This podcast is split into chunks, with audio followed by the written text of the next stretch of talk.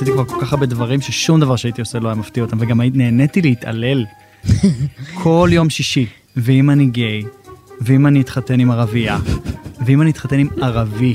כל הזמן רק כדי לראות מה התגובות, והם הם כזה. כבר לא היה להם כוח אליי. היה פעם אחת אה, שיצאתי עם גויה, הדה, הדוויג, קראו לה, אדוויג. הדוויג, היא בת של, שיקסע. שאימא שלה היא כומר רפורמית, oh my god.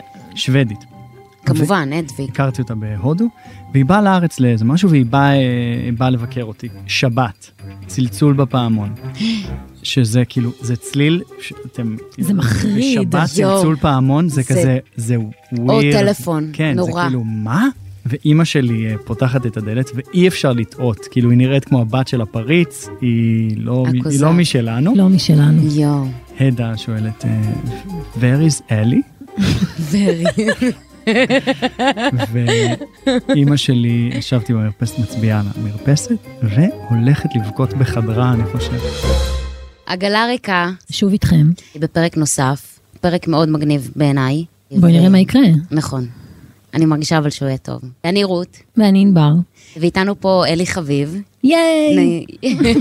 בוא נמחא כפיים. אה, אז הנושא של הפרק הוא הומור של דתל"שים. אם בכלל יש דבר כזה, אנחנו נדבר על זה תכף.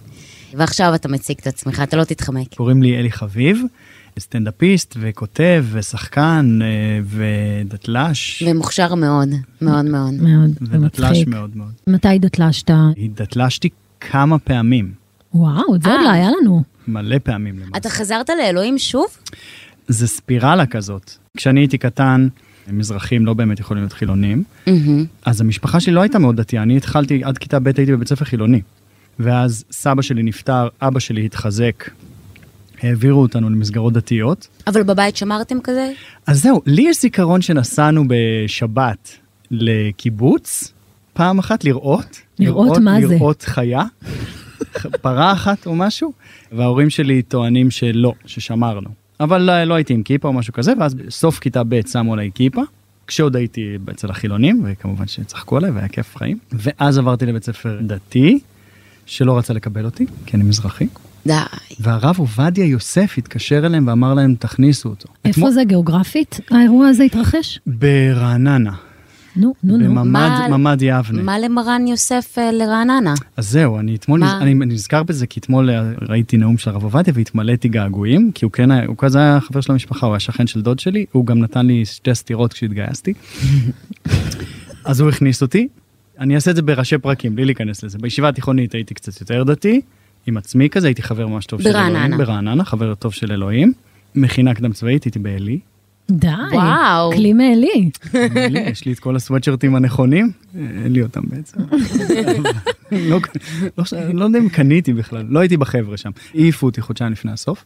מה זה לא- לפני הסוף? יש מסלול? כאילו... קודם כל, עלי עשויה ממסלול. אלי- אין שם שום דבר שהוא לא, יש לך מסלול לארוחת הבוקר. מסלול לארוחת הצהריים, אתה- הכל שם מסלולים, אבל לא יצאתי מהחדר. זוכר, הרב יגאל, אה, שכולם מכירים ואוהבים, איזה איש. אז אני פעם שאלתי אותו שאלה, מותר לעשות ככה או ככה או ככה, והוא הסתכל עליי ואמר, קודם, קודם תגיע לאיזשהו שיעור. היה עליי בדיחות בעלי, במחזור שלי, יש ספר של הרב אבינר שקוראים לו טל חרמון. ברור. שזה כזה ספר של פרשת שבוע וזה, וכולם שם היו לומדים את זה. ואני לא הכרתי את הספרים שהם היו לומדים, ולא הכרתי את האנשים במחזור, כי הייתי בקרוון שלי וכתבתי וקראתי. הקטע היה שהיו עוצרים כזה בדרך לבית מדרש בחדר שלי, שאני יושב עם ספר של פול אוסטר או משהו כזה, ואומרים לי, אלי, אלי, ראית את טל חרמון? ואני כזה, לא, לא ראיתי. את הוא שם חרמון." למטה. לא יודע, לא ראיתי אותו היום, כי לא רציתי, לא, לא אמרתי להם, לא יודע, לא מכיר אתכם. והם היו צוחקים והולכים. אז אחרי זה התגייסתי, ושם נהייתי יותר ויותר אה, חילוני. איך קשה לו להגיד את זה. ואז אה, היה איזה אירוע עם איזה אבט"ש באיזה מקום, ונהייתי מאוד מאוד דתי, ממש, כאילו בואכה חרדי כזה בלב. אתה יכול לפרט על האירוע שגרם לך להיות אה, בואכה חרדי? אה, הוא כן. ראה את אליהו הנביא. אה, הייתה לי אה, חברה שקראו לה רונית. היא הייתה חברה הראשונה שלי. התחלנו לדבר על חתונה בגיל מאוד קטן. אני זוכר שבאתי לאימא שלי, חזרתי הביתה ואמרתי לה, אימא, אה, לילה כזה, ישנה. כזה, לא יודע, מתיישב כזה על המיטה, כזה, אימא, מה תגידי אם אני אתחתן? מתיישבת ערה וואי, מהקמ"ש. הוצאת במוטים של סבתא. לא, היא לא שמחה בכלל, ההורים אה. שלי היו, אמא שלי הייתה אה, מאוד אה, מוכוונת לימודים, אנחנו עיראקים, זה כזה, אתם כן. חייבים להיות. רואי חשבון לפני שאתם מתחתנים. אתה בטוח? תחשוב על זה שוב וזה, באמת לא התחתנו. אמא שלי עד היום מתחרטת על החלון הזדמנויות שהיא פספסה שם, קטן. שיכלה, היא יכלה לחתן את הילד. והפרידה הזאת קצת טלטלה אותי, ובדיוק הייתי באיזה שבוע אבט"ש. באיזה התנחלות, שלחו אותנו מהצבא לשמור על איזה התנחלות, והמשפחות של המתנחלים אימצו אותנו. הלכתי לראות את השבת. הייתי במצב גרוע, הצבא, לא, לא הייתי שמח שם, ו- ופתאום היה כזה, וואו, איזה יופי. וכשלא הייתי בשמירה, הייתי הולך לישיבה ל- לשמוע שיעורים, והם אמרו שם משהו על אה, זרע לבטלה, שאי אפשר לחזור על זה בתשובה וכל מיני זה. מותר להגיד דברים כאלה? כן. מותר, אנחנו. בארץ. נכון, הארץ עשוי מזרע לבטלה. זהו, drop the mic. סיימנו את הפרק. סיימנו את הפודקאסט. אי אפשר לחזור על זה בתשובה. שהרמב"ם אומר, אל תגלו להמונים, אי אפשר לתקן את זה, אלא אם כן תיקון גדול מאוד מאוד בשמיים הגדולים. אני אמרתי לעצמי, אם אני רוצה לתקן את זה, אני צריך להתחיל מההתחלה. ואני התגיירתי. לידה מחדש. עשיתי לעצמי גיור. עשיתי את התהליך של הגיור עם טבילה, וקראתי את התפילה של הגיור, ואמרתי, אני מתחיל מההתחלה. מטורף. ואז נהייתי מאוד מאוד דתי איזה חצי שנה, שיגעתי את המשפחה שלי ממש, הייתי כזה הולך עם אה, קיצור שולחן ערוך מתחת ליד כזה, מגיע לאמא, אמא, הסוכה היא לא שלושה טפחים וזה, סתום את הפה, מטומטם. כולם פה דתיים, תפסיק להתנשא. פתאום היה לי כזה, אמרתי, אה, בעצם אנחנו אמורים לעשות פה משהו, והדת הפכה להיות רק המצוות. כאילו, אנשים מתעסקים במצוות במקום לאיזה מקום רוחני הדת אמורה להביא אותך. לחוויה רוחנית. כן, ואז אמרתי, אוקיי, אז, אז זה פחות חשוב. מאוד אני ברסלבי. מתרכז כאילו ב... לאן צריך להגיע, ואז כאילו נשמטתי קצת מהעולם המצוותי. כשהשתחררתי מהצבא, הייתי כבר הרבה יותר חילוני, הייתה לי כבר בת זוג חילונית, ואז אמרתי, אם אני רוצה להיות חילוני כמו שצריך, אני צריך ללמוד את זה, כדי לדעת אם אני באמת לא מאמין בזה. ואז נסעתי להיות שליח של תורה מציון באורוגוואי. כי הדרך הכי טובה מה ללמוד... עשית לעצמך? היא ללמד. וגרתי שנה באורוגוואי ולימדתי תורה. וכשאתה מסיים את השנה הזאת, מה המסקנות? אני רוצה אה. להיות חלק מזה? אני זוכר שהיה לי מריבה עם הרב שם של הקהילה, הרב שי, שהוא אמר לי, אתה לא לומד תורה, אתה לומד את עצמך. ואז אמרתי לו, מה ההבדל? לא, אני גם לא מבין איך זה דבר רע. כן, זה מה שאתה אמור לעשות. נכון. בשנה הזאת ממש הבנתי שבעיניי יש כל מיני קודים קטנים ביהדות שאומרים לך אם זה נכון או לא נכון. מה המטרה האמיתית של היהדות, ולא ללכת לאיבוד. ואני חושב שאחרי זה חזרתי דתי, אבל עם כזה, מה אנחנו עושים פה? אני יוצא לא שפוי מהסיפור הזה, אבל אז חזרתי לארץ, אמרתי, אוקיי, אני אהיה חילוני. נסעתי להודו, כל החצי שנה בהודו הייתי ברומנים עם בבתי חב"ד. כמו דתל"ש טוב. כמו דתל"ש טוב. ויכוחי... אה, אבל ויכוחים הארדקור, כי בגלל שידעתי מלא, ישבתי באיזו סעודה שלישית כזה, בבית אה, חב"ד איפשהו, ונתתי את משנתי, שהייתה מאוד סדורה, וכולם כזה מסביב לשולחן היו, וואו, הוא צודק, באמת, זה לא צריך לעשות את זה, ולא את מה שהם אומרים וזה. ואז הם ביקשו ממני להישאר אחרי הארוחה. ואז הם אמרו, בוא נכתוב מכתב לרבה. אתם מכירים את זה שכותבים מכתב, שמים את זה. באגרות קודש, ואז איפה שהמכתב אה, זה אתה פותח וזה התשובה של הרבה. נכון. רבי יקר, שלום היקר. אני חבר רוצה להיות. אני עוקץ ניגרי. אני עוקץ ניגרי. שלום אוקיי. הרבה, אני אשמח לקבל כמה דולרים. אה, ואז פתחתי את זה, וזה היה מכתב לבן גוריון, שהרבה מפציר בו לא להקים דת חדשה. oh my god. אה, וואו, יש לי צמרמורת. ואז הייתי כזה, "או, אוקיי, יש אלוהים. סליחה, אז סליחה, לא התכוונתי. בסוף הטיול להודו כבר הייתי אה, חילוני. דתי עוד פעם. לא, מה, מה קורה פה? אני מותשת. מה. עשית לנפש שלך? אה, אתה חבטת בה יותר מדי פעמים. אני... אה, כן. אני מבקשת שנעשה תחקיר. אה, הם מסתכלים כמו כזה, וואו. אף פעם לא היה לנו דבר כזה. כולם עשו קאט אחד בחיים, וכולם מספרים על הקאט הזה. הסיבוב האחרון היה באמת חזרה בשאלה, כי... ה- סופית. כן, באיזה גיל זה קרה? החזרה בשאלה האחרונה הייתה בשנה שנייה של בית ספר למשחק. כשזה גיל? 26. מהמם.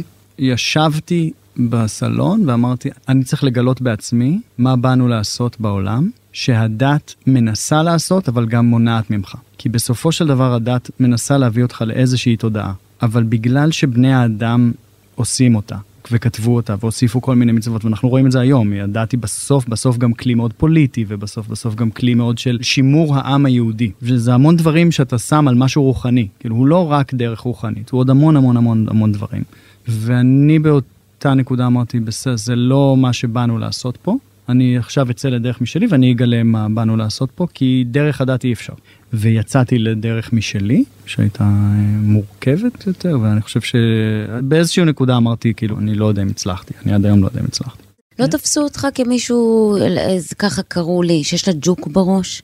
כי אם רות תמיד רצתה ככה, ואז ככה, ועכשיו... אני חושב שזה היה יותר מסוכן מבחינתם. כי בגלל שהייתי מאוד עם דעה ונורא רוצה לשכנע, אז אני חושב שזה הבעיה, כי הייתי מתווכח ליד הילדים. וזה כאילו, אתה מתערב בחינוך, כאילו, ברגע שאתה מתחיל להגיד, כן. אה, תנ"ך וזה, כתבו אותו ממלכת יהודה ולא ממלכת ישראל, זה כאילו סתם סיפור של צד אחד רק וכאלה. וזה בעיה להגיד את זה ליד ילד בכיתה ח'. אז זה לא היה סתם, אוי, הוא משוגע, הוא עושה מה שבא לו. הוא כאילו, הוא אומר דברים שאסור להגיד. אני זוכרת שבשבתות הראשונות שלא שמרתי שבת עם הילדים, נסענו לים, לא זוכרת, או לאיזה מעיין ליד ירושלים, ים של ירושלמים. כל כך התרגשתי ברמה האישית, כאילו ממש התרגשתי מזה, זה היה משהו שחיכיתי לו המון המון זמן. ושלחתי במוצאי שבת תמונות לקבוצת וואטסאפ המשפחתית, כשהיה ברור שהיינו במקום הזה בשבת. ובקבוצת וואטסאפ המשפחתית יש גם אחיינים שלי שהם היו בכיתות הז' וח' וזה, ואחותי כתבה לי בפרטי שהיא מבקשת שאני לא, שאני לא אשלח תמונות כאלה, כשזה ברור שאנחנו מחללים שבת וזה לא לעניין. אה, ואני כל כך נעלבתי. כמובן עשיתי את המעשה הבוגר, שהוא לצאת מהקבוצה. בדרמטיות מהקבוצה. וואי, זה קשה, ענבר. כן, כן. זה נורא נורא הכעיס אותי, ו- ודרך אגב, זה קרה לפני ארבע שנים, ומאז עד היום, כאילו מאז היו עוד מלא דרמות, חזרתי לקבוצה כמובן וזה, ואני לא שולחת תמונות, אני לא מחצינה את זה שאנחנו לא שומרים אה, שבת בשבת. יש איזה יחס מסוים, גם יש לי איזה סיפור אה, שבעיניי הוא מזעזע, אם אני אזכיר את זה להורים שלי הם לא ידעו. אה, עשינו אה, חופשה משפחתית בבית מלון בזיכרון של דתיים לשבת, ואני הגעתי עם האחיינים שלי, אחותי נשואה עם שלושה ילדים, אחי נשוי עם שני ילדים, אנחנו מגיעים לבית מלון, סגרו לנו כזה איזה, אבא שלי כזה סוויטה ועוד שני חדרים, ואתם קוראים עוד דלת וזה. מראים לאחותי וגיסי והילדים את החדר שלהם, פותחים דלתות, הילדים קופצים, ממשיכים במסדרון, החדר של אח שלי ואשתו, קופצים, ילדים. עוד חדר, מיטה זוגית, מיטה נפתחת. הייתי בת 30 לפני שנתיים. ואני, זה איפה החדר שלי? אין לך בן זוג, את לא נשואה, לא מגיעה לחדר. אז אמרתי להם, אבל אני בת 30, ואתם יודעים שיש לי אורח חיים ביום שבת שונה מכם, וגם אם הייתי דתייה, אגב. למה אני צריכה לישון עם ההורים שלי בחדר במיטה מתקפלת לידכם? ואני החלטתי שאני לא מוותרת להם, ואני מנכיחה להם איזה משהו שזה מאוד הציק לי תמיד. אפילו בהזמנות לחתונות במשפחה, הייתי עם ההורים. והייתי אומרת שזה לא לעניין, באמת זה לא לעניין, אני צריכה לקבל מעטפה משלי. רות אלבז ובן הזוג שלה, או בת, מה שיכתבו שם, אבל תכתבו משהו. והתקשרתי לזוגתי לשעבר, ואמרתי לה, בואי לקחת אותי. ולא הייתי בשבת הזאת בחופשה, כדי לגרום להורים שלי להבין שזה לא לעניין. שנה אחרי, אגב, קיבלתי בקתה משלי בצימרים שלקחנו. שאצל מזרחים דת זה חשוב, אבל משפחה זה כאילו יותר. יותר. כשחזרתי בשאלה, אמרתי לאמא שלי שאני אבוא יום שישי בערב. אבא שלי אמר, אל תבוא ביום שישי בערב, אל תיסע לפה. אז אני מעדיף שלא תבוא. ואני נעלבתי ואמרתי, אז אתם יודעים מה? אז אני לא אבוא אף שבת, כי אני לא יכול לבוא רק לארוחה אחת. על פרינציפ, כאילו. טרקתי את הטלפון, היה שבת נוראית כזאת. ואז במוצא שדיברתי עם אמא שלי, והיא אמרה לי, "אה, אבא שאל איפה היית? למה לא באת? אז אמרתי, מה זאת אומרת? הוא אמר לי לא לבוא. אז אמרה, לא, הוא אמר שלא תבוא כדי שלא יצא שהוא אומר לך לחלל כן, שבת, נכון. אבל הוא רצה שתבוא לארוחת שישי בערב.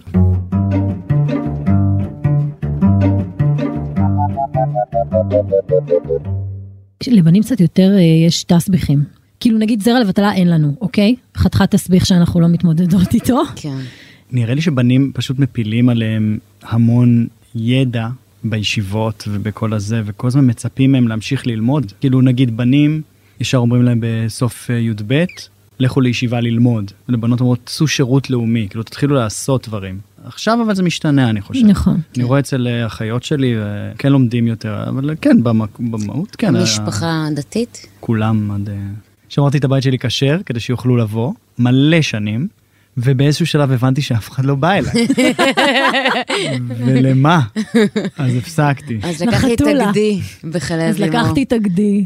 והקרמתי אותו, בתוך כל מוקרם. הצלחות שלי. אמא, אם את שומעת את זה, אז אה, סליחה. אמא שלי כועסת על זה יותר מכל דבר אחר, אני חושב. על האוכל. על אוכל לא כשר.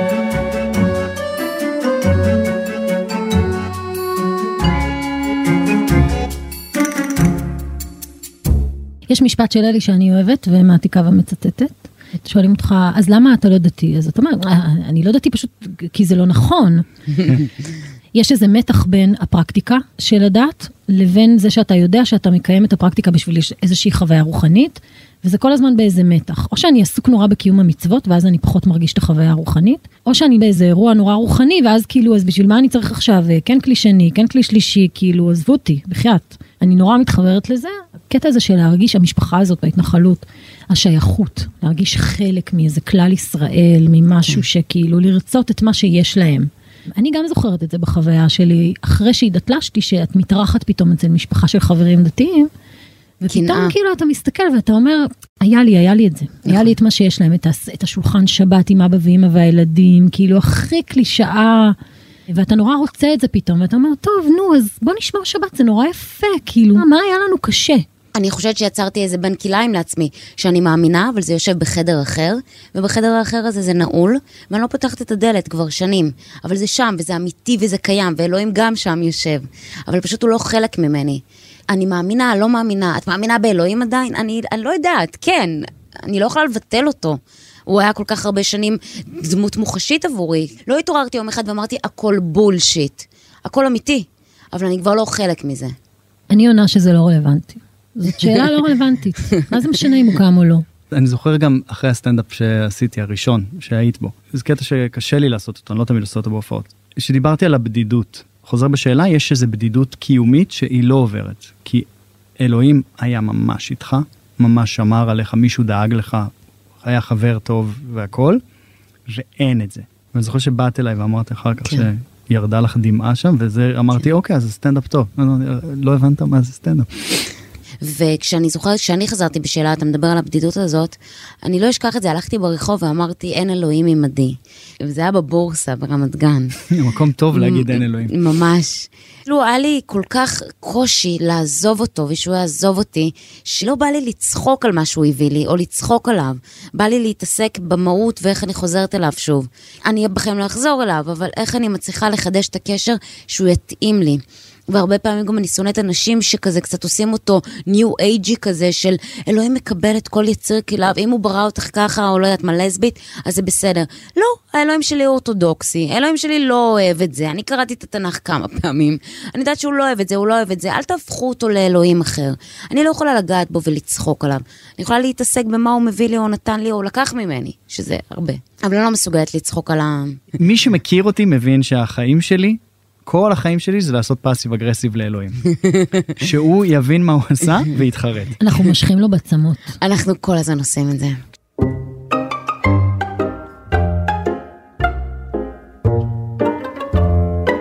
הומור זה משהו שעזר לך להתמודד עם כל הסרקולציה הזאת?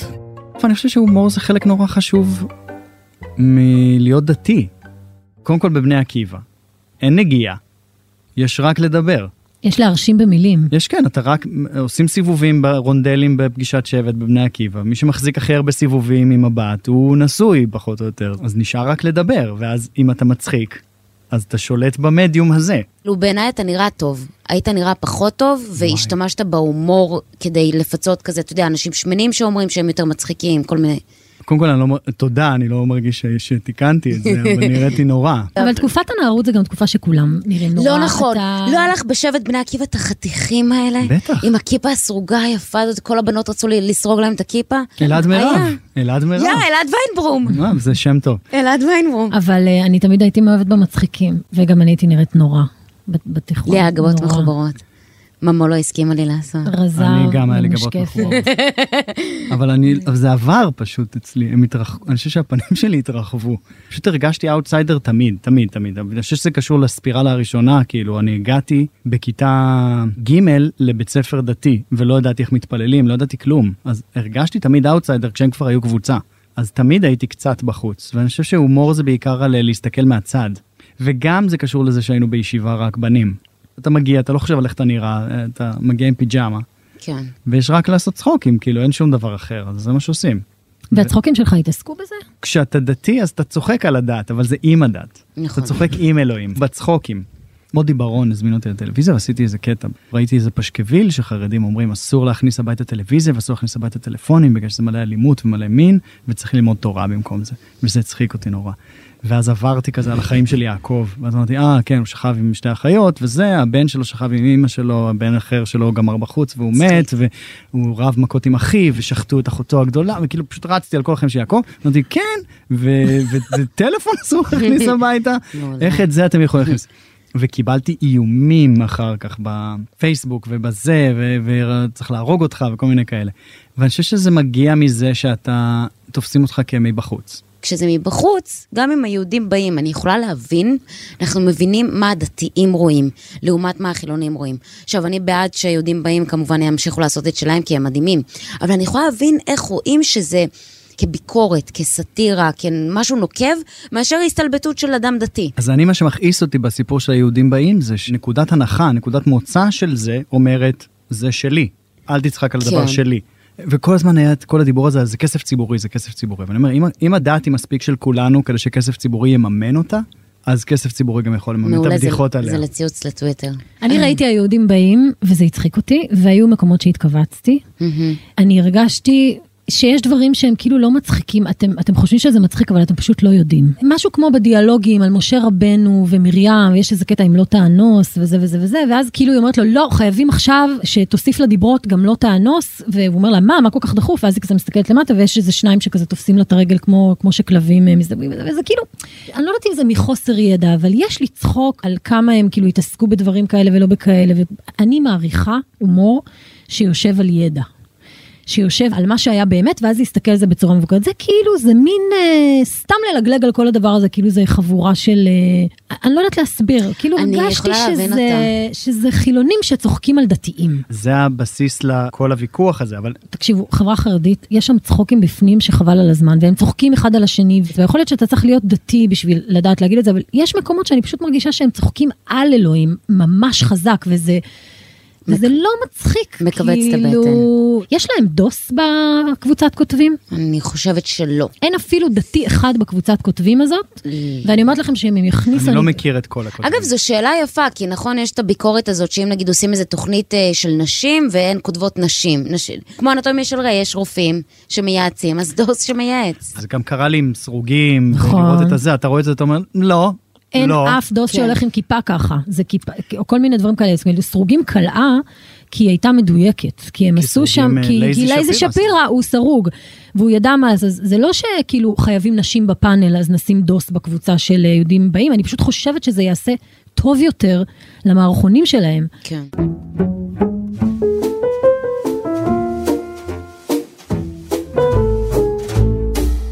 נגיד בתקופת התיאטרון שלי שהייתי, אז um, בעיקר כעסתי על אלוהים שהוא לא קיים.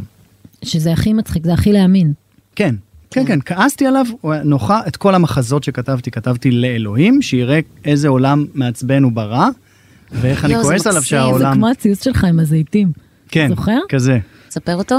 אה, אני לא מנקה את המקרר לפסח, כי דתל"ש וזה, וממש עכשיו, ערב ערב חג הפסח, נפלה לי קופסה עם חמוצים ונשפכו לי כל המים הארורים עם השום והסרח, ובכל זאת הייתי צריך לנקות את כל המקרר. ואני רוצה לומר לקדוש ברוך הוא שההתנהגות הזאת שלו, זאת בדיוק הסיבה שעזבתי.